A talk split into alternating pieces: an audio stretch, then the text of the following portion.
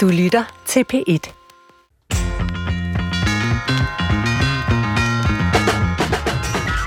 Jeg skrev for nogle år siden en slags paudi på en selvhjælpsbog med syv trin og det hele. Stå fast hed den. Med et glimt i øjet forsøgte jeg at vise, at vi ikke bare har brug for hjælp til at udvikle os, men også til at undgå udvikling. I en tid, hvor alle mennesker konstant skal være fleksible, omstillingsparate og livslangt lærende. Mit ærne var altså ikke bare at provokere selvhjælpsindustrien. Jeg vil også gerne give læserne en mulighed for at stå imod den udviklingstvang, der præger vores kultur. Mange af tankerne om at stå fast kommer fra stoicismen, en livsfilosofi fra antikken. Og jeg mener stadig i dag, at der er masser at hente i de gamle skrifter, men det kan diskuteres, hvordan man skal formidle en flere tusind år gamle filosofi til moderne læsere. Mine gæster i dag bruger på forskellige vis stoicismen i deres dagligdag, mens jeg nok snarere bruger den mere forbeholdent som en slags bagtæppe i mit liv. For jeg er enig i mange af de stoiske tanker, der handler om, at man skal tage ansvar for det, man kan tage ansvar for, og lære at leve med de ydre omstændigheder, der alligevel ikke kan kontrolleres. Men jeg tror også, at stoicismen selv kan blive til en slags problematisk selvudviklingsfilosofi. Men nu er jeg nok allerede på vej ind i en diskussion, som jeg ved, at i hvert fald en af mine gæster er uenig i. Så velkommen til Brinkmanns Brix, hvor vi i dag skal se på, hvordan en gammel filosofi kan blive til en måde at leve på for moderne mennesker. Og øh, Christoffer Heide, producer på programmet her. Jeg kan næsten gætte mig til, hvad du vil spørge mig om indledningsvis her, inden vi hører fra vores gæster. Ja, så, så forudsigelig er jeg som journalist. Ja, og dels det, og så dels fordi vi har aftalt, at du skal spørge mig om noget lige om noget. Dejligt. okay, men hvad er det så? Jamen, du vil nok gerne vide, hvad stoicisme er. Ja. Eller hvad? Mm. Ja, jeg kan godt give et kort bud på det. Altså nu skal vi udfolde det i løbet af den næste times tid, men det er jo altså den her gamle livsfilosofiske skole, først fra det gamle Grækenland, der siden kom til det gamle Rom, formuleret både af en berømt kejser som Marcus Aurelius og, og slaver som Epiktet, der så blev frigivet, og som altså kort fortalt går ud på, at man ligesom skal lære at leve med det. At der er rigtig meget, vi ikke kan ændre på, og det skal vi så ikke spille tiden på at forsøge alligevel. Og de ting, vi så kan øh, tage ansvar for at kontrollere, det skal vi så til gengæld også gøre, og gøre vores pligt bedst muligt. Og øh, de der ja, flere tusind år gamle tanker, de, de er faktisk blevet utrolig øh, populære i, i øh, vores dage her nu. Og det øh, synes jeg er interessant og øh, er noget, der ligesom berettiger, at vi laver et program om det. Men er det noget, du selv øh, udøver eller bruger? Altså, jeg bruger filosofiske refleksioner i mit liv hele tiden. Det her med at forholde sig kritisk, nysgerrigt, spørgende til alting. Altså dels øh, den forskning, jeg laver selvfølgelig, men også øh, mange forskellige ting i mit eget liv. Og så stoicismen. Det er på en måde sådan en pakkeløsning, hvor man kan få nogle øvelser, man kan lave. Det er jo derfor, det også er en slags øh, selvhjælpsfilosofi øh, fra det gamle øh, Grækenland og Rom. Øh, Øh, og, og det har jeg prøvet i en periode, øh, da jeg skrev den der stå fast bog, øh, men, men, men gør det ikke rigtig længere. Altså det, er ikke, øh, det, det var mest for forsøgets skyld, at jeg vil se om negativ visualisering og den slags kunne gøre en forskel i mit liv. Det kommer vi sikkert til at høre mere om, hvad det er. Men for en lægmand som dig, Christoffer, hvad forbinder du egentlig med begrebet filosofi? Fordi stoicismen er jo en form for filosofi. Ja, og det er jo det, der, det, det, det kan være lidt besværligt bare lige at slynge det ud, hvad er filosofi, synes jeg. Fordi for mig har jeg, jeg læst en gang, at det, det handler om at undre sig. Mm. Altså det handler om at stille spørgsmålstegn øh, ved ens liv og ved hvad der, hvad der bliver givet foran en.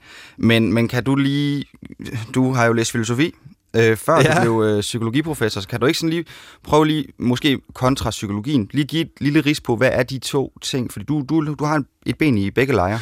Ja, altså jeg læste først filosofi, så skiftede jeg til psykologi, og jeg plejer at sige halvt i sjov, men der er også lidt alvor bag, at jeg skiftede til psykologi, fordi jeg var bange for at blive arbejdsløs filosof, simpelthen. Jeg synes stadigvæk, både dengang og nu, at det er den grundlæggende undren, som filosofien bibringer, den grundlæggende kritiske spørgen til alt muligt, som er interessant, så har jeg bare kombineret det med øh, den psykologiske videnskab. Den bruger jeg filosofien til at spørge kritisk til.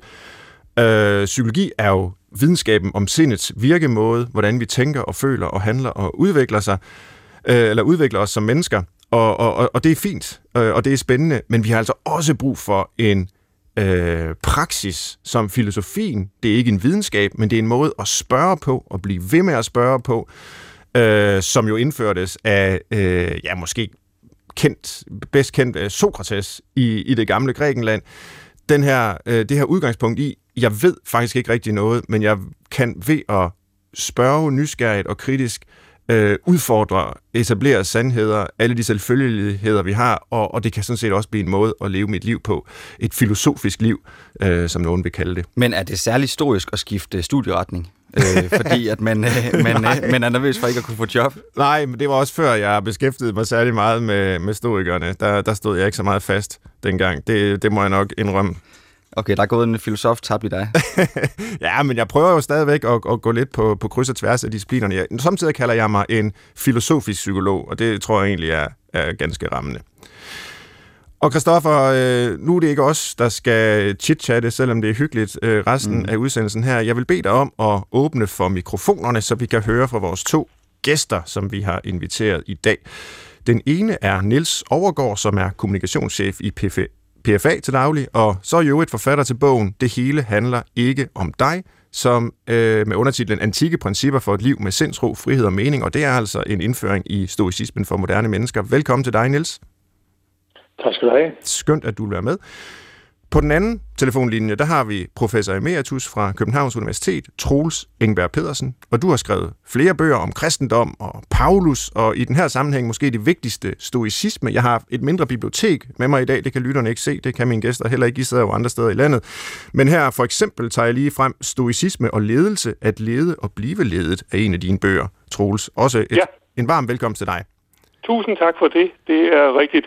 Den der kom, øh, Stoicisme og Ledelse, i øh, 2017, ja. hvor der også kom en, en anden bog, som du faktisk også har fingre i, øh, der hedder Antikens etiske tradition, øh, hvor jeg også kommer øh, vældig meget ind på stoicismen. Akkurat, Så, ja. Og ja. jeg har mange af de bøger liggende her, og vil måske godt. en gang imellem tage dem frem og, og forholde jer, øh, bede, bede om at forholde jer til noget, I har skrevet i dem. Altså nu smed jeg mit eget meget hurtige bud på, hvad stoicisme er, ud i æderen lige før, så jeg vil godt indledningsvis lige bede jer om at fortælle, hvad, hvad I lægger i begrebet stoicisme. Fordi det er jo et ord, som nogle af vores lyttere givetvis hører for, for første gang. Der er nok mange, der har hørt udtrykket stoisk ro. Men hvis vi skal se det som en øh, filosofisk måde at tænke og leve på, øh, Niels Overgaard, hvad vil du så sige, det er, øh, stoicisme? Du har faktisk lavet en liste, der opsummerer, hvad det er for dig. Jo, men altså jeg synes, at du, øh, du egentlig startede med, med det, som også vil være mit udgangspunkt, nemlig begrebet om kontrolsfære, ideen om, hvad der er, vi kan kontrollere og ikke kan kontrollere, som en måde at, øh, at opfatte og agere i verden på, øh, som egentlig kan være enormt frigørende. Det synes jeg er, er den helt centrale, og måske øh, det er den vigtigste enkelt pointe i stoicismen. Den anden del er altså den der med, at man er en del af et fællesskab, og man skal gøre sin pligt som en del af fællesskabet. Øh, som jeg øh, læser stoicismen, så er målet aldrig dig selv og at blive sig selv nok, men at øh, blive selvberoende og stærk, så man kan være noget for et fællesskab. Og så endelig, så, så synes jeg i høj grad, det, det vender jo lidt tilbage til det med kontrolsfæren, men det med at øh, acceptere naturens orden ja. og, og vores egen rolle i naturen, det vil sige øh, inklusiv døden, øh, som jo øh, fylder en del for stoikerne, øh, og som, øh, som der kan være noget øh, ret frigørende over, oplever jeg, især i en moderne verden, som, øh, som egentlig prøver at ignorere døden mest muligt, øh, indtil vi er nødt til at forholde os til den. Øh, så det er nok de, øh, den, den helt korte elevatortale på det. Ja, ja, der er jo den her idé om memento mori i stoicismen, som jo altså på dansk betyder, øh, husk du skal dø. Og det er ikke fordi, de synes, at øh, døden er, er sjov og festlig og fantastisk at tænke over hele tiden, men det er fordi, der kan ligge en opdragende funktion i at besinde sig på, på livets korthed. Altså det gør, at man tager sin tilværelse alvorligt og... Øh, og prøve at fokusere på det, der, der egentlig er, er væsentligt. Men øh, Troels øh, Ingvar Pedersen, hvordan øh, ser du så stoicismen? Du har jo... Øh, Ja, ja, du kommer jo, øh, nu blev det nævnt før af Christoffer, jeg både er, øh, har en baggrund i filosofi og psykologi, og du har jo en baggrund både i filosofi og teologi. Øh, hvordan vil du nærme dig stoicismen og, og opsummere det for os? Øhm, ja, for det første vil jeg sige, at de ting, I selv har taget øh, frem, er, er rigtig gode. Øh, når Nils siger øh, kontrolsfære og fællesskabet og øh, naturens orden og sådan, så øh, rammer han jo ind i noget af det, som er helt centralt i stoicismen. Men øh, i forlængelse af, hvad du selv sagde om øh, dit forhold til filosofi og sådan, så vil jeg gerne slå et slag for, at vi også husker på, øh, at øh, stoicismen er øh, en filosofi. Øh, hvad mere er, det er sådan set et filosofisk system. Mm. Altså den antikke øh, stoicisme er et filosofisk system. Øh, og det var sådan set øh, ret øh, spændende og interessant, øh, da det ligesom blev lavet. Øh, fordi der havde man haft øh, Sokrates, som vi hørte om, og han stillede spørgsmål og sådan noget. Så har man haft Platon, og så har man haft Aristoteles. Øh, og og det, man kan sige, at filosofien blev mere og mere systematisk, men den blev ikke fuldstændig systematisk. Det forsøger man så senere øh, at gøre ved, om man så må sige, både Platon og Aristoteles og systematisere dem. Men det er lige præcis, fordi lige efter Aristoteles kom så øh, stoikerne, øh, og de insisterede på, at man skal samtænke alt. Øh, derfor de, de inddeler filosofien i tre dele, fysik, etik øh, og logik, og de, øh, de insisterer så på, at der er en indre sammenhæng i øh, alt, hvad der er at sige. Øhm, der er et andet ting, jeg også vil sige om det der øh, system, som de, frem, øh, som de får for, formuleret. Men, men jeg vil godt bare lige holde fast i her pointen, som er, at når vi sidder og snakker her, og det er jeg helt med på, øh, om stoicisme som livsfilosofi og øh, lignende, og jeg tror, du også, Svend, kom til at tale om, om selvhjælpsfilosofi, øh, så, hmm. så er det halvvejs rigtigt, ja. men, øh, men der er altså en anden halvdel, som er, at øh, al den her selvhjælp og, og livsstil og dat øh, skal hele tiden forstås som udtryk for et egentlig øh, filosofisk forståelse af hele verden i et system. Det er en meget vigtig tilføjelse, godt du øh, siger det, Troels, og der kan man måske også øh, oplyse lytterne om, at selve filosofien øh, har jo udviklet sig fra i antikken, for eksempel hos stoikerne, både mm. at være en, et samlet system, altså en måde at forstå alting på, og en livspraksis, en måde at leve mm. på, til i stigende grad næsten kun at være en måde at tænke på. Altså på moderne filosofiske institutter, jeg har selv læst på et af dem, der bliver vi ikke undervist i, hvordan man skal leve. Øh, der, der, der øver vi os ikke på den måde i at, at, at, at leve godt og rigtigt, øh, men vi lærer en masse om formel logik og filosofisk semantik og metaetik og alle mulige ting, øh, der, der, der sådan er, er videnskabeligt gjort, og det er selvfølgelig også vigtigt. Men i det gamle Øh, Grækenland og det gamle Rom, der var filosofien jo altså også en livsform. Og det er ja. mest det, vi, vi øh, tager, tager fat på i dag her. Hvis vi så ser på det, øh, Niels Overgaard, det kan være, du kan øh, komme med simpelthen konkrete eksempler på, hvordan du anvender filosofi i dit liv. Altså stoicismen, ja. ja.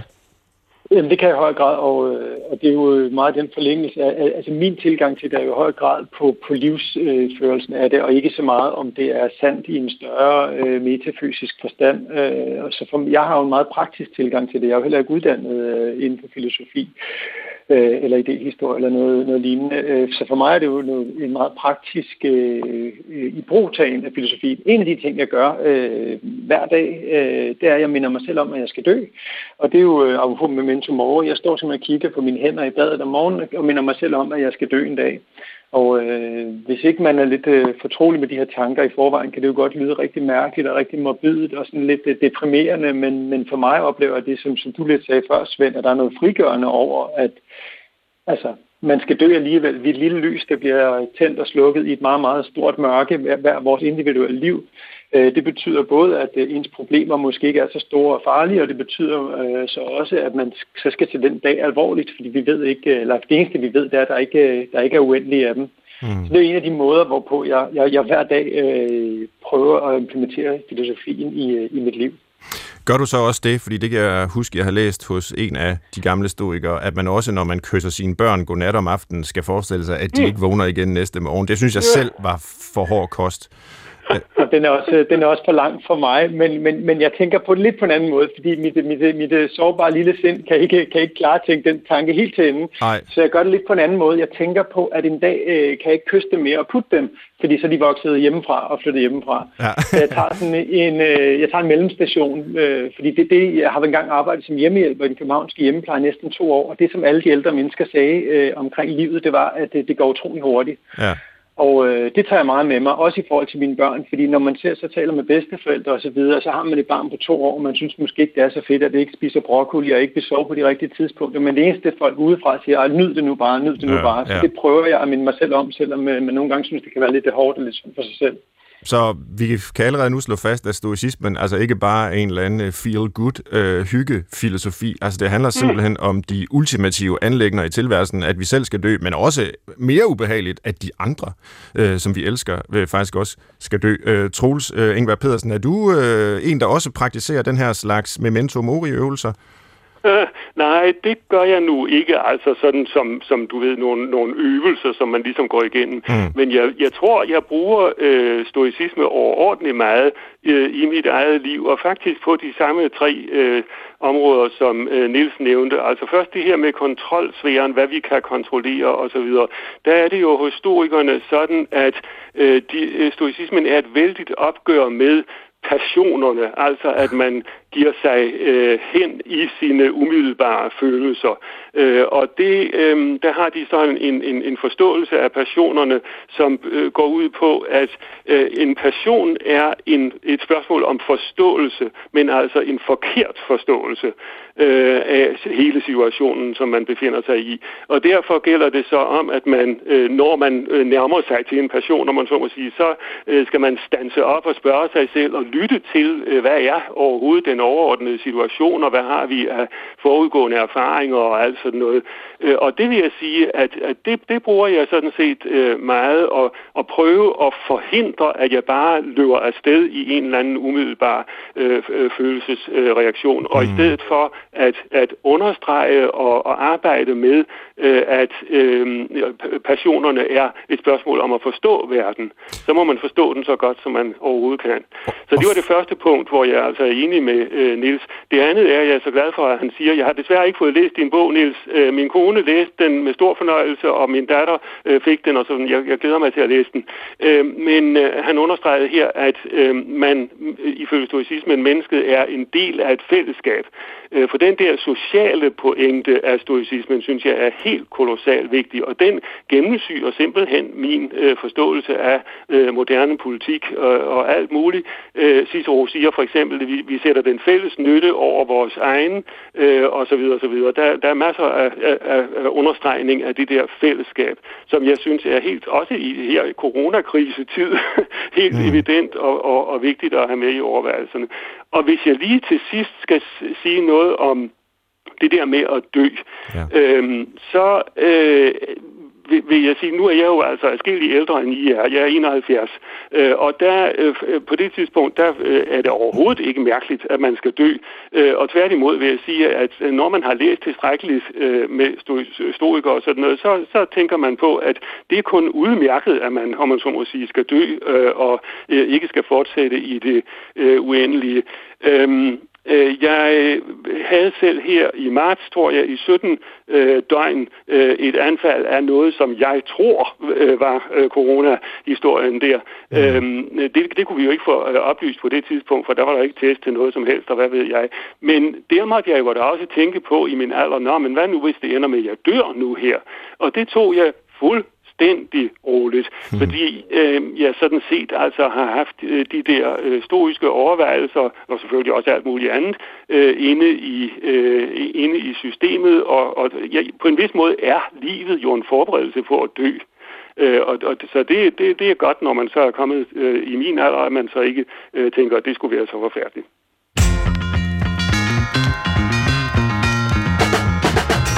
Du lytter til Brinkmanns Brix på P1, hvor jeg forsøger at forstå en af mine yndlingsfilosofier, nemlig stoicismen, og hvad den kan betyde for os i dag. Og derfor har jeg forfatter Niels Overgaard og professor emeritus Truls Ingberg Pedersen med. Og da vi kontaktede dig, Niels, i fredags for at høre, om du ville medvirke i programmet, så var du faktisk i gang med noget, der havde lidt med mig at gøre. Øh, kan du fortælle, hvad det var? Det er jo en virkelig god cliffhanger, så øh, ja. jeg har næsten lyst til ikke at afsløre det. Nej, øh, jamen det var sådan set, at øh, du havde jo i din klumme i politikken, og også i din interview børsen, øh, lidt øh, øh, om ikke langet ud efter nogle af mine pointer omkring stoicismen, så i hvert fald øh, stillet spørgsmålstegn ved dem. Mm. Og det havde jeg gået og summet lidt over, og det tænkte jeg egentlig, at jeg ville så det genmale øh, omkring og ligesom prøve at øh, udlægge vores positioner og selvfølgelig øh, overbevise hele verden om, at det var mig, der havde ret. Øh, så jeg havde egentlig lavet et oplæg til en kronik i, øh, til Berlingske, øh, som jeg ikke helt var færdig med, men jeg sendte en klade version til dem, og de ville meget gerne bringe dem, øh, svarede de så fredag, samtidig med, at øh, jeg blev ringet op af, af Christoffer. Øh, og så tænkte jeg, at øh, den, den pauser vi lige lidt, og så lad os hellere prøve at, øh, at tale sammen i stedet for. Ja, det er jo skønt. For at tale, øh, og dejligt, du er med her, og altså, um, lidt sjovt at tænke på, at øh, en gammel filosofi som stoicismen, den på den måde øh, afføder klummer i øh, danske dagblade og en øh, diskussion, og øh, nu i radioen, at, at, at det på den måde har en aktualitet øh, så lang tid efter, og at man kan udlægge det på forskellige måder. Men øh, hvad var det, som du mente, jeg øh, ligesom havde misforstået ved, ved dit ærne, eller, eller hvor var du uenig med mig? Øh, jamen, jeg tror, der er to-tre pointer. Det ene, som jeg havde, og som jeg også lidt synes, at du lidt åbnede op for her i indledningen, egentlig øh, mm. måske ikke var, hvor vi ikke er så uenige, det, det var i forhold til, altså, stå fast, som jeg læste, det var jo et, et, en ironisering og et opgør med den der øh, selvudviklings- og bullshit-kultur, der var gået alt for langt. Og det var vi jo øh, rigtig mange rundt omkring, der synes var en rigtig god idé, at, øh, at, at der ligesom kom et modsvar til det. Mm. Øh, når jeg så bare har brugt de sidste 4-5 år på at læse mig ned i de der øh, stoiske hovedværker, især Seneca, Marcus Aurelius og Epictet, de, de sådan romerske stoikere, ja. øh, så bliver det meget tydeligt for mig, at øh, det er en selvudviklingsfilosofi. Altså, ja. det, det, det, den måde, de udlægger teksten på, for mig er der ikke nogen modsætningsforhold med selvudvikling og stoicisme. For mig er det øh, er det det, den hele tiden fordrer. Det, de peger hele tiden på læseren og siger, at du skal gøre noget. Det, det handler ikke om at tale filosofi, du skal gøre filosofi, og du skal søge at gøre dig selv bedre. Så der tror jeg, der er et eller andet iboende. Og så det andet er, at øh, for mig at se, at det så heller ikke, det var også lidt det, jeg var inde på før, det er jo ikke, som jeg ser det, er det enkelte individ aldrig målet. Målet er fællesskabet. Mm. Så den udlægning af det som sådan en, en afsondret øh, individualisering, øh, øh, synes jeg ikke egentlig, at, øh, at det, som, det er det, som jeg forstår, stoicisme handler om. Nej, men altså, point taken, jeg, jeg tror, du har helt ret i, at øh, stoicismen i, i en moderne fortolkning altså vil være en slags selvudviklingsfilosofi, og det var jo, som vi allerede har været inde på, også da den blev formuleret, en, en livspraksis i tillæg til at være et øh, filosofisk system. Jeg, jeg har så bare håbet, kan man sige, i stå fast, og i hvad jeg har læst og skrevet om det i øvrigt, at det ville være en bedre og mere etisk forpligtet form for øh, selvudviklingsfilosofi. Mm. Men det er så måske også der, min øh, uenighed med dig øh, opstår, øh, altså i stor respekt for, for dit virke og, og din, øh, din, din, din, din bog om stoicismen, at den måske risikerer faktisk at bare blive en del af det, altså stoicismen, som jeg i virkeligheden har været skeptisk over for hele tiden, og så mm. er der jo ikke vundet så meget. Altså bare nu for at gøre det helt konkret, og det er ikke fordi, vi skal sidde og eksaminere hinanden i vores bøger.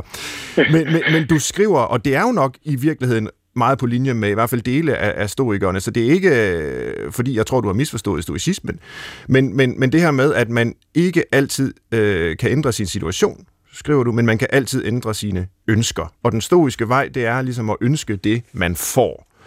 Og der vil jeg jo sige, at øh, det kan godt være, at stoikerne mente det, men er det ikke er der ikke en stor risiko for der, at vi så kommer til ligesom at holde folk i skak, øh, undertrykke mennesker og sige, jamen, der er egentlig ingen grund til at lave verden om, øh, forbedre folks øh, levevilkår, fordi I kan jo bare lære at ønske det, I allerede har.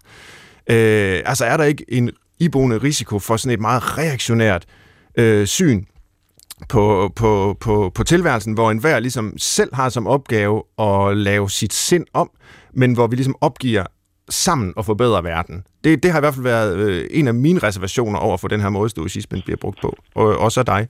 Men nu skal du have lov at svare dig, Niels.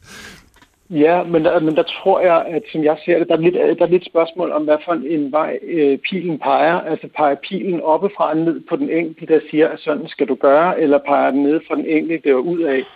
Øh, fordi man kan enten vælge at se øh, den, øh, det element eller den afledte effekt af kontrolsfære, som du nævner der. Det kan man enten vælge at se som et pres eller som en enorm øh, magt, man får som den enkelte person. Ja. Øh, det er det ene, jeg vil sige. Så for mig er det mere en... Øh, altså i, med, med, med sådan et rigtig irriterende øh, begreb, som jeg ikke er så god til at, at finde på dansk. Empowerment. Altså det er mm. at give magten til det enkelte menneske, som jeg ser det. Ja. Det er den ene point. Og den anden point er, at det, jeg synes, jeg prøver at betone i min bog, øh, ikke så meget i det kapitel, som du refererer til der, men, men især i det femte kapitel, det det princip, jeg kalder, det hele handler ikke om dig, det er jo netop, at vi aldrig er målet i os selv. Så for mm. mig, øh, jeg, jeg tror egentlig, vi taler om det samme lidt fra forskellige vinkler. Jeg tror bare, min pointe er, at det, som jeg tolker stoicismen, så er det, at man først og fremmest skal søge at gøre sig selv så stærk og selvberoende som muligt, men man aldrig skal gøre det for at være sig selv nok, men gøre det for at, øh, for at være noget for, for det fællesskab, man er en del af. Ja, og det er i hvert fald... Tror, du har, det er i hvert fald øh, noget, jeg er enig i, øh, og som jeg mener, vi har brug for blandt andet stoicismen til at blive mindet om, altså at vi ikke målet øh, i os selv hver især, men, men vi ligesom øh, skal være der for hinanden, og det, det er, er, er i højere grad livets mening, end, øh, end, end hvad vil jeg, at blive, få mest mulig succes selv. Øh, Øh, men, men bare lige for at, at runde den diskussion af, vi er i gang med her, så vil jeg sige, altså noget af det, der også måske har flyttet mig en lille smule, og gjort mig lidt mere skeptisk over for stoicismen i de senere år, siden jeg øh, udkom med Stå Fast, det var, at jeg har forsket nu i sorg øh, ganske længe. Og der tror jeg, at man må sige, altså når man taler med mennesker, der har mistet deres ægtefælle gennem et helt liv, eller øh, måske mistet deres barn, øh, så er det sjældent nogen hjælp, at man ligesom siger til dem, altså det er ikke, hvordan du har det, det er, hvordan du tager det. Øh, eller, eller hvad man nu kan finde på af, af floskler. Altså det, det er jo ikke øh, selvfølgelig det, du siger, Niels, men mm. der ligger jo lidt i det, at man kan ikke ændre, hvad der er sket, men man kan godt ændre sin ønske om, hvad der er sket. Man kan bare holde op med at ønske, at det her mistede barn øh, kom tilbage, eller, eller hvad det nu kan være. Og det, det tror jeg simpelthen, der, der, det er urealistisk for mennesker.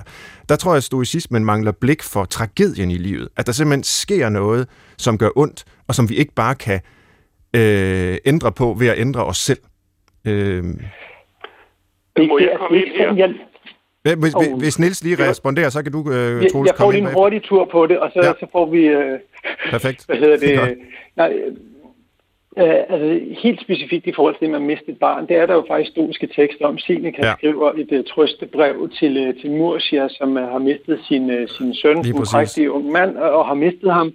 Og, øh, og der beskriver han jo, hvordan at øh, når sorgen ligesom har gennemgået sin naturlige fase, skal man ikke tillægge ekstra. Så jeg tror det er mere, som jeg forstår det, for jeg tror nemlig ikke, de var umenneskelige, fordi så tror jeg, de vil være det på mange andre punkter også. Mm. Så ser jeg det mere som, det er fuldstændig naturligt, at en soveperiode, det man måske i dag vil kalde en depression, jeg har selv prøvet det efter min far døde, mm. en depressiv tilstand, der var nogle måneder, øh, eller noget år, eller hvad, fra person til person og omstændighed til omstændighed.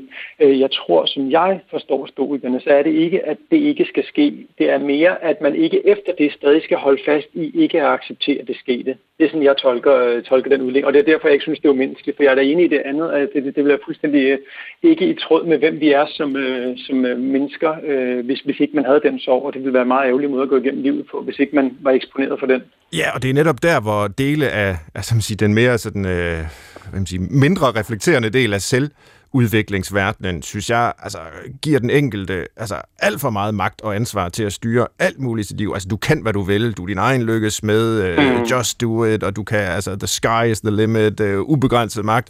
Altså, det er bare forskellige uh, selvudvikling, ja. selvhjælpstitler, jeg lige slynger ind her.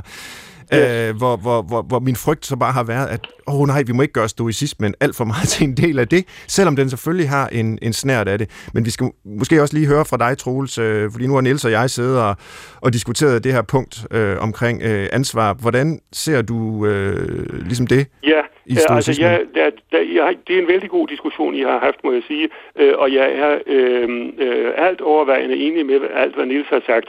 Øh, jeg vil tage to, øh, og, og tage, tage to ting frem. Et omkring sorg øh, ved en, en, en elsket persons død og lignende. Øh, der mener jeg, at Nils har fuldstændig ret i sin fortolkning øh, af Seneca, at man øh, tanken er ikke hos stoikerne, at man overhovedet ikke må, øh, om man så må sige, lade sig gå på af, hvad der nu er, er tilstødt en, men tanken er den, øh, at man ved at forstå øh, situationen, som jo øh, selvfølgelig opleves som værende ganske øh, usædvanlig osv., fordi den handler lige om en selv, øh, men som jo i virkeligheden ikke er usædvanlig, fordi det sker jo igen og igen. Ved at forstå situationen, så kan man komme ud over øh, den øh, umiddelbare reaktion af øh, dyb nedbøjelse osv.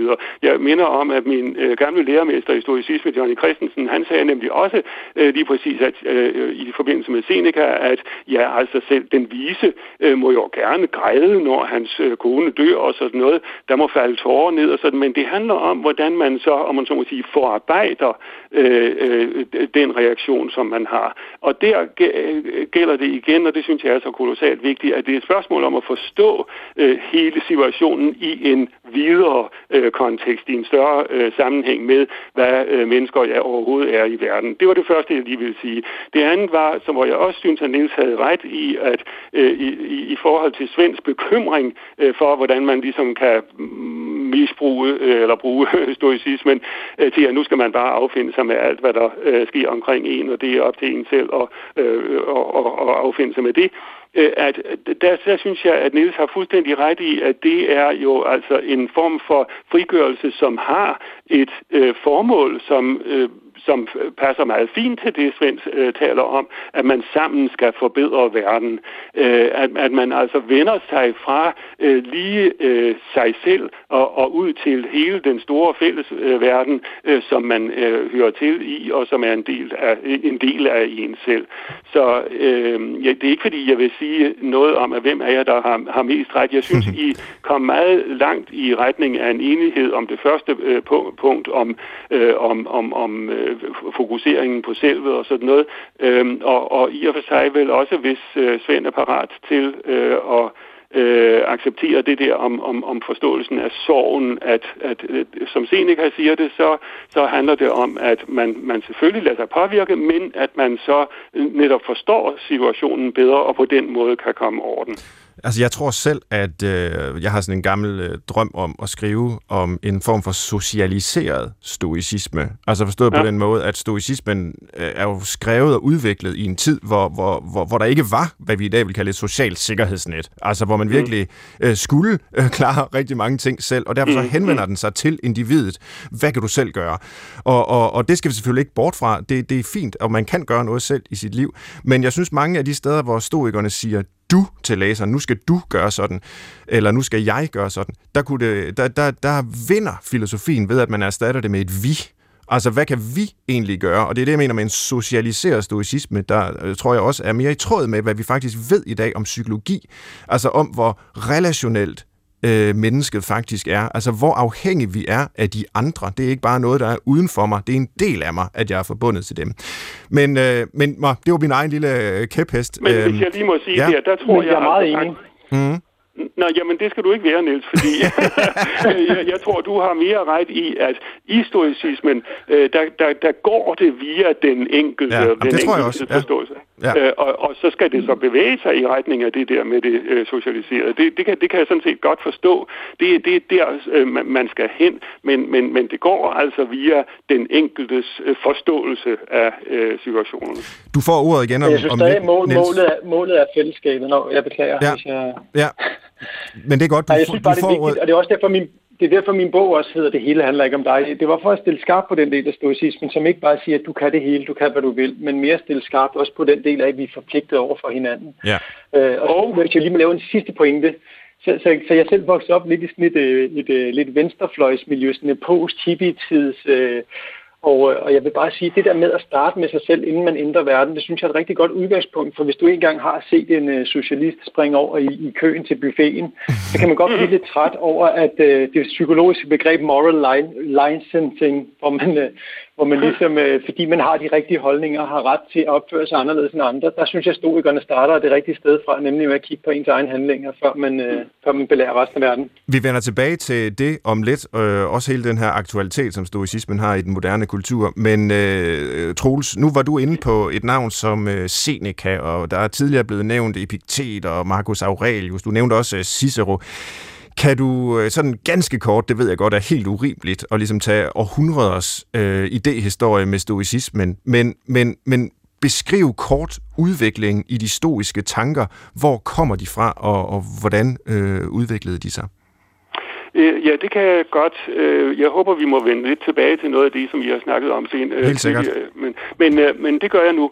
Øhm, øh, altså, det som jeg synes, man skal have fat i, det er, at øhm, øh, stoicismen er meget dårligt overleveret. Øh, det, vi har kun sådan rigtige øh, samlede skrifter øh, fra romertiden, og det er Cicero i det første århundrede før Kristus, og så er det så, øh, som vi har snakket om, Seneca øh, og Epictetus Marcus Aurelius i det første og andet århundrede øh, efter Kristus. Mm-hmm. Øh, men men øh, stoicismen blev grundlagt omkring 300 før Kristus, og det vil sige, der er altså en periode der, og det er den græske stoicisme, øh, som, øh, øh så, som hvor, hvorfra vi ikke har nogen øh, samlede skrifter. Og det er virkelig et, et kæmpestort problem. Når man skal studere øh, stoicisme, så kan man gøre enten som Niels har gjort ved at sidde og læse de der overleverede skrifter, altså de, øh, de latinske Cicero, Seneca osv., men, men man kan også sidde og læse det værk, der hedder Stoicorum Veterum Fragmenta, som udkom for øh, mere end 100 år siden, øh, som er en samling af lige præcis fragmenter øh, af de øh, tidligere, de ældste øh, stoikere.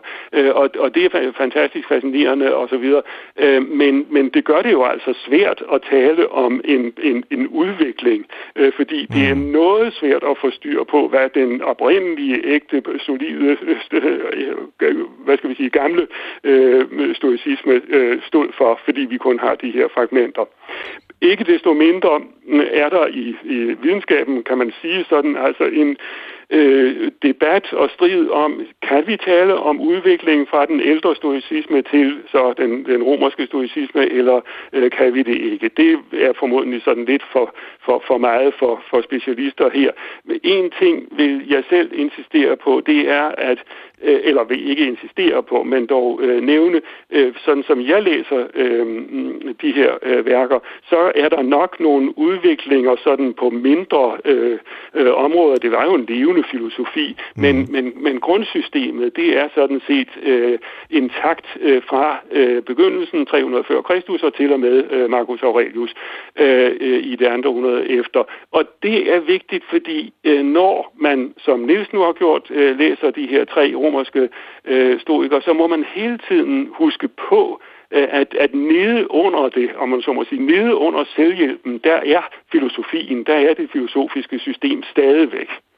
Øh, så, så, så jeg tror, man skal passe lidt på, at man ikke øh, taler for meget om, om, om udvikling. Snarere er det sådan altså en vægtlægning, som måske kan være lidt forskellig øh, i de senere i forhold til de øh, tidligere. Var det, var det nok? Det var en rigtig fin gennemgang af stoicismen her, vi fik fra øh, Troels Engberg Pedersen, som er professor emeritus fra Københavns Universitet, og min anden gæst i dag er Niels Overgaard, som er forfatter og kommunikationschef i PFA, og forfatter til en aktuel bog om stoicismen. Og det er netop det, vi taler om i dag, øh, om stoicismen, øh, lige fra selvhjælpsbøger til antikens øh, store tænkere. Og vi har udbredt os længe om øh, emnet nu, øh, Christoffer Heide, producer. Mm. Øh, og jeg tror måske, vi skal have et indspark udefra til vores debat. Ja, fordi at, øh, jeg kiggede lidt ud og prøvede at finde en praktiker, og det har vi jo faktisk øh, i forskellige udgaver allerede med i studiet, hvad kan man sige, på telefonlinjen. Men øh, en, øh, en øh, dansk-amerikaner, kan vi kalde ham, han bor i, i hvert fald i Kalifornien, og har, har ligesom mødt stoicismen. Han er erhvervsmand, far, og, øh, og så leder han og søger efter det gode liv. Mm-hmm. Og øh, den øh, snak havde jeg med ham i, øh, i går aftes over en Skype-forbindelse, så nu får vi lige øh, 5-7 minutter fra den anden side af Atlanten om, hvordan man derover kan bruge øh, stoicismen i et, i et ret moderne øh, erhvervsliv. Jeg er David Heinemeier Hansen. Jeg er medstifter af firmaet Basecamp. Jeg bor i Malibu, Kalifornien, og jeg har tre børn. Hvordan, hvordan ender du med at støde på den her årtusind gamle øh, livsfilosofi? Ja, jeg blev introduceret til stoicismen gennem bogen øh, The Guide to the Good Life, øh, Guiden til det gode liv. Og jeg vil sige, det første, der sådan sprang ud for mig, det var bare øh, tekstens øh, titel, Guiden til det gode liv. Det der med, at der er nogen, der overhovedet tør sige, at der måske er en måde, vi kan leve bedre, uden at det som sådan føles som at være en øh, uoverskueligt arrogant. Øhm, jeg vil sige, at der har været meget det der med, at jamen, hvis du bare selv finder ud af, hvordan det er, så, så er det fint. Vi skal alle sammen bare selv finde ud af for os selv, hvor, hvordan vi lever det gode liv, og, og det kan vi magisk, bare når vi er blevet født. Nej, det tror jeg ikke, vi kan. Det tror jeg, der er noget, vi skal lære. Og den idé om, at man kan lære, hvordan det gode liv skal leves, synes jeg var dybt fascinerende. Øh, det med at finde øh, stoicismen var, var et stort aha-oplevelse. At her der er en, en flok mennesker, som har levet for 2000 år siden, som virkelig tænkte over det som det grundlæggende spørgsmål. Hvordan lever vi et bedre liv? Fascinerende. Jamen det er sjovt, fordi når du, når du bare lige fortæller det sådan, så er det faktisk, så vil jeg jo sige, det, det kunne lige så godt have været øh, Bibelen, du talte om. På, altså forstå mig ret, altså i det der med, at man, der er nogen, der kommer et bud på det gode liv, så hvorfor, hvorfor, eller hvad, hvad kan man sige, hvorfor var det lige stoicismen, der så tiltalte dig, frem for at du kunne have valgt en religion, du kunne have valgt en heden selvhjælpsbog ned fra hylden. Hvad, hvad, hvad, hvorfor var det lige det? Jeg vil sige, der hvor stoicismen virkelig talte til mig, var, at det var ikke noget med, med magiske væsener. Det var ikke noget med øh, dæmoner og drager, og det var ikke noget med, det var ikke noget umenneskeligt eller overmenneskeligt. Det var noget dybt menneskeligt.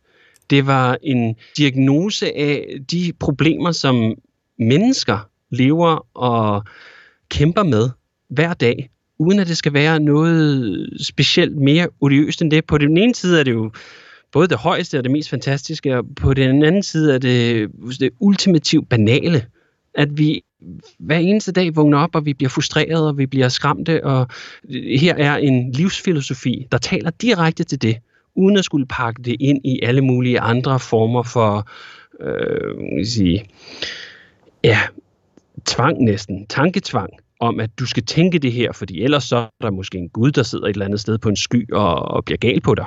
Nej, det var ikke noget om det. Det, var, det hele er inde i os.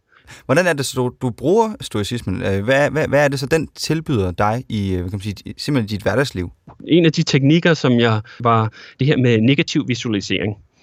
Øh, I selvhjælpsverdenen, så er det jo meget det her med positiv visualisering, med at, at vi skal tænke på, hvor succesfulde vi kan være, og hvor, hvor godt vi kan klare det, og så skal det nok gå, så skal vi nok øh, opnå alt det.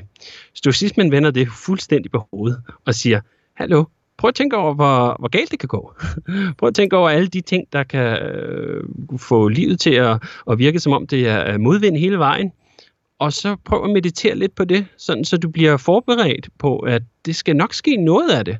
Altså det er øh, et utroligt sjældent liv, hvor man klarer sig hele vejen igennem fra, fra spæd til, til kiste, uden at man bliver udsat for nogle tilbagesæt.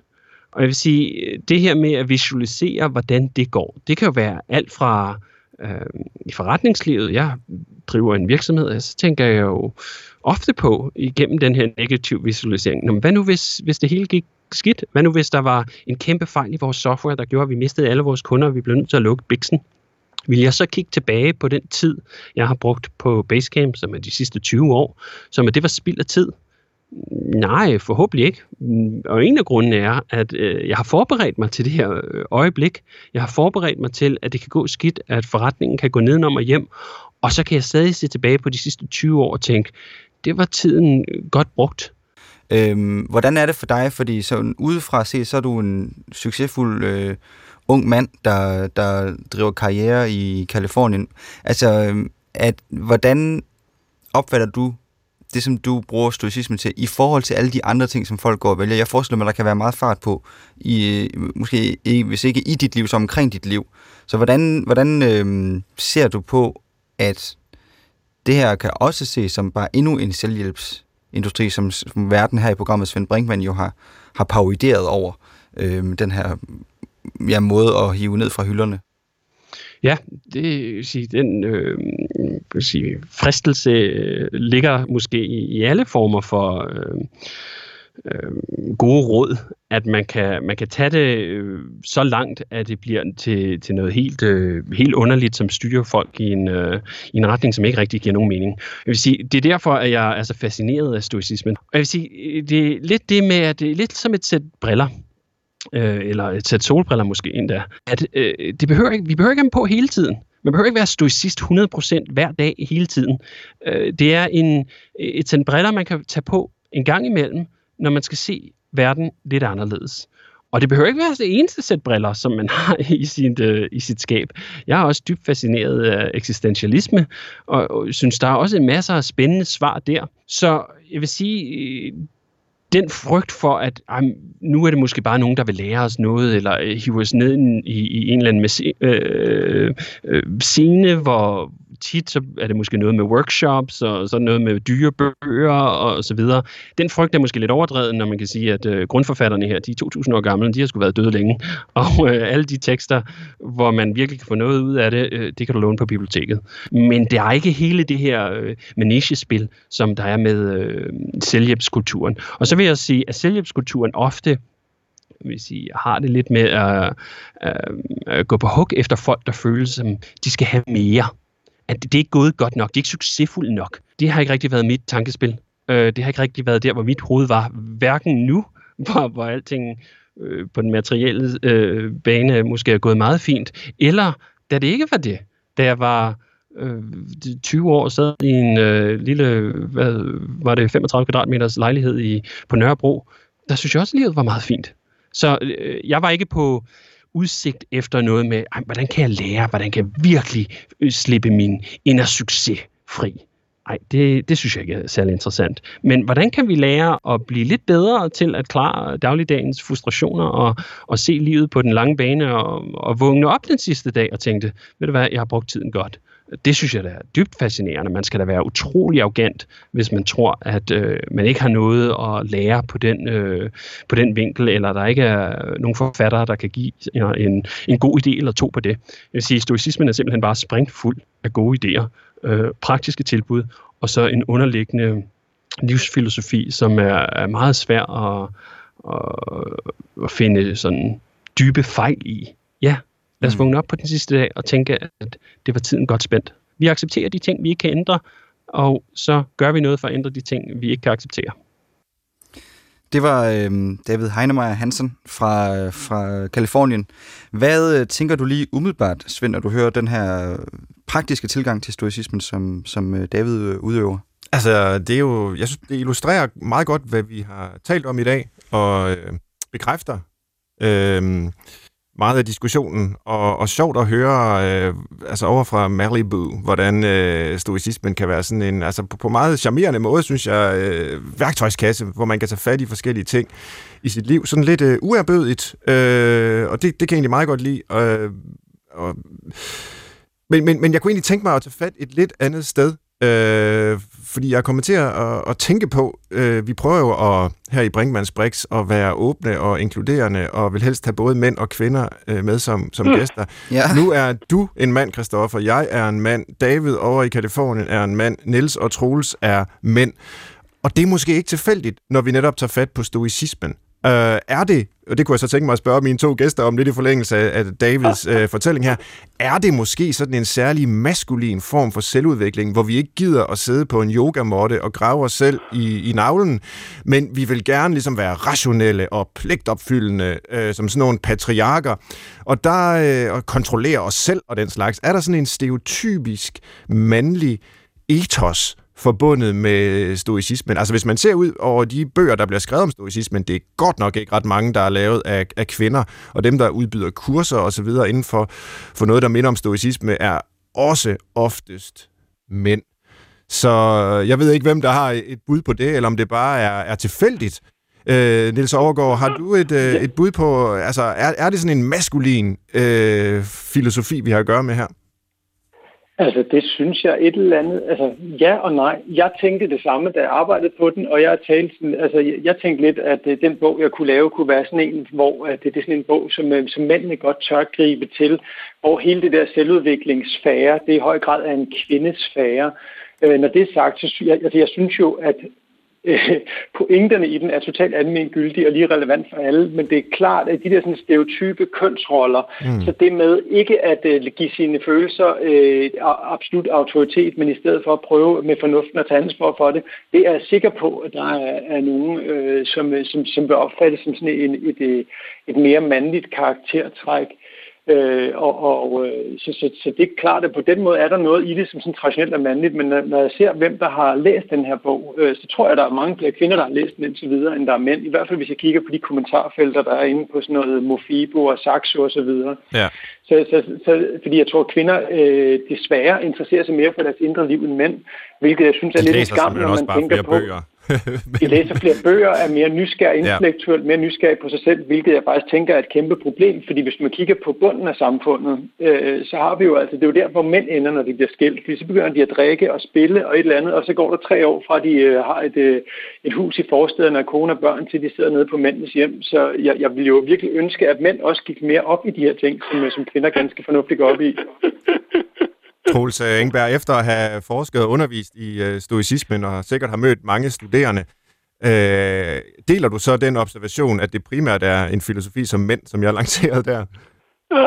Nej, altså det må jeg sige, det øh, kan jeg nu slet ikke genkende. Øhm, men men jeg, jeg, jeg, jeg blev faktisk slået af, da du bragte det ind, Svend, fordi jeg synes et eller andet sted, øh, det, det lyder øh, desværre øh, rigtigt.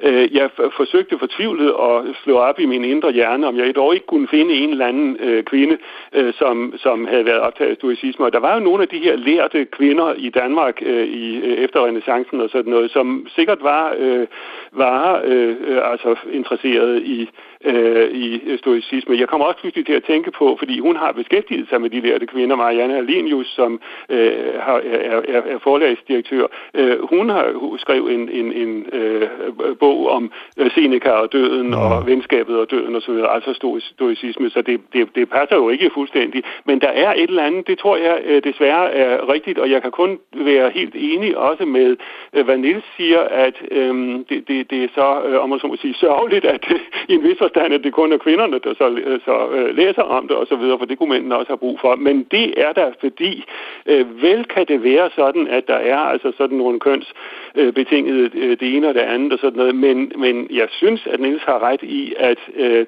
at det, som stoicismen har at tilbyde, det er bestemt ikke øh, kun noget, der retter sig til mænd. Det er noget, der retter sig til mennesker som mennesker. Det er jo lige præcis det. Altså, hvad siger Terens? Ikke, vi kommer formodentlig til det. Jeg er et menneske. Intet menneskeligt er mig øh, fremmed. Mm. Øh, og og den, den idé der, øh, den er altså central. Øh, stoicismen var jo også mere åben over for kvinder øh, end, øh, og slaver og sådan noget, øh, end, end, end bare over for mænd.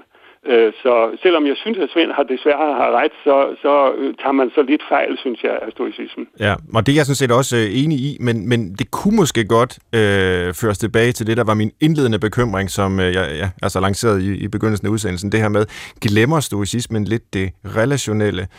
Øh, det med, at vi i et og alt er forbundet til andre, hvor eksempelvis feministisk filosofi, øh, feministiske tænkere, øh, er, er begyndt der, begyndt med vores forbundethed. Altså, kvinden føder barnet, som, øh, og, og der er en dyade, som vi siger i psykologien, der i udgangspunktet, øh, hvor man så tænker videre derfra, hvor, hvor de mandlige stoikere, de mere begynder med det her voksne menneske, som øh, er selvberoende og skal være selvbehersket, og, Jamen. og måske bygge, bygge et indre citadel selv op som, som et af de billeder, der er blevet brugt. Men, men, men der må jeg sige med, Nils, mm. at, at selvberoenheden, den er jo udadrettet. Det, det, mm. det, det handler hele tiden om, øh, at man, om man så må sige, i en vis forstand kan få styr på sig selv, men fordi man er øh, en del af noget større og med, med rettighed ud imod det større. Altså det, det, det, det var der, jeg øh, tidligere havde jeg en lille øh, bemærkning, som, som vi ikke kunne få plads til, men den kommer nu. Det er interessant at se på, at øh, i såkaldt hellenistisk tid, altså ned til romertiden, der ser man, at nogle af de historiske filosofer øh, bedriver politik. Altså, de knytter sig til magthavere, og de forsøger på en eller anden måde at øh, bringe noget af det sådan egalitære, der ligger i stoicismen, øh, til øh, udfoldelse øh, politisk. Så jeg synes altså virkelig, man skal passe frygteligt på, at man ikke øh, indsnæver stoicismen til kun at handle om individet. Ja, det er en god pointe, og ja, vi øh, er desværre nået til der, hvor vi er ved at afslutte, i hvert fald afrunde øh, udsendelsen. Der er lige en 3-4 minutter tilbage, og vi vil gerne øh, slutte af med her i Brinkmanns Brix med at og simpelthen give nogle gode råd til lytterne. Og det er jo i dag sådan set meget i tråd med, med det, vi har talt om, øh, hvad angår den stoiske filosofi. Og nu har vi været rigtig meget inde på, hvordan man lever som en stoiker, øh, hvad, hvad det egentlig går ud på. Jeg kunne tænke mig så at vende den om og prøve at bede jer om at formulere tre råd til den, der vil leve mindst muligt som en stoiker det er at, at ligesom kaste det op i luften og se det lidt paradoxalt. Øh, og, og det kan jo så indirekte alligevel være en øh, oplysning om, hvad stoicismen går ud på. Niels Overgaard, har du et bud på, hvis man vil være mindst muligt stoisk, øh, hvad skal man så gøre? Så noterer jeg her og ser, om vi kan lave en, en liste. altså det, jeg lidt forestiller mig, det er et øh, to-treårig barn eller en, øh, en meget fuld voksen person. Det er en person, du skal, øh, nummer et, det må være, at du skal gøre lige, hvad du har lyst til. Ja. Og, og nummer to, du skal være øh, ligeglad, om det går ud over andre. Ja. Øh, og nummer tre, det hele handler om dig. ja. Nu skriver jeg ned her. Gør lige præcis, hvad du har lyst til. Vær ligeglad med andre. Og forstå, at det hele handler om dig. Øh, ja, det er lidt sjovt, fordi der er faktisk mange selvhjælpsbøger, der, der nærmest har de her ting på deres lister. Øh, Troels Engberg Pedersen, har du noget at, at få til? Jeg synes, det var en imponerende, øh, flot liste, som Nils øh, øh, kastede ud af ærmet her. Den er så imponerende, så den fuldstændig svarer til, hvad jeg selv øh, havde øh, tænkt, da du øh, rejste spørgsmålet. her kommer nu det første. Øh, lev tøjlesløst og tankeløst. Ja. ja. Det er det, det første, man skal gøre, hvis man ikke vil være historiker. Øh, det andet er, lev i nuet. Øh, det er det her med carpe diem, øh, som, som øh, folk sådan omtaler og synes, at det fordi de kan sige det på latin, så øh, er, det, er det noget fint og godt. Altså, at man ligesom skal, skal gribe dagen og nyde dagen og sådan noget. Liv i nuet, det ville ingen historiker nogensinde sige. Og så det sidste, tænk aldrig på de andre. Mm. det, det, det, det havde, tror jeg også, Nils. Så vi er fuldstændig enige, ja. og nu kan du sende dine lyttere ud og, og handle rigtig ustorisk, når de følger vores gode råd her. Jamen, vi håber ikke, de følger rådene. Jeg, jeg kunne tænke mig alligevel lige at tage fat i det, du siger, lev i nuet, at det skulle være særligt ustoisk. Det er jeg sådan set mm. øh, enig i, og det har jeg også skrevet øh, om selv i min bog. Men det er vel der, hvor øh, mange måske vil stejle og sige, nej, altså stoicismen, det handler om at sige, jamen her og nu, hvor jeg er, øh, hvad går det ud på lige nu? Hvad, hvad kan jeg gøre her? Øh, kunne det ikke også være en del af stoicismen? Altså, tænk ikke på fortid og fremtid. Øh, tænk kun på, øh, hvor du er lige nu. Nej, den har jeg, jeg altså også med, den, den, den har jeg altså også med i min bog, vil jeg sige, med afsæt i, jeg tror det er Seneca, der har nogle betragtninger omkring lige præcis det der med, at øh, fortiden øh, er ligegyldig, og fremtiden kan du højst drømme om, men det er nuet, du skal bruge. Men, men jeg tror, jeg forstår, hvad Troels mener, at det, at det ikke er en hedonistisk, mm du skal bare nu gøre lige, hvad du vil. Det er mere en stillen skarpt på det, der er inden for din kontrolsfære, hvilket er nuet, som, som jeg forstår det.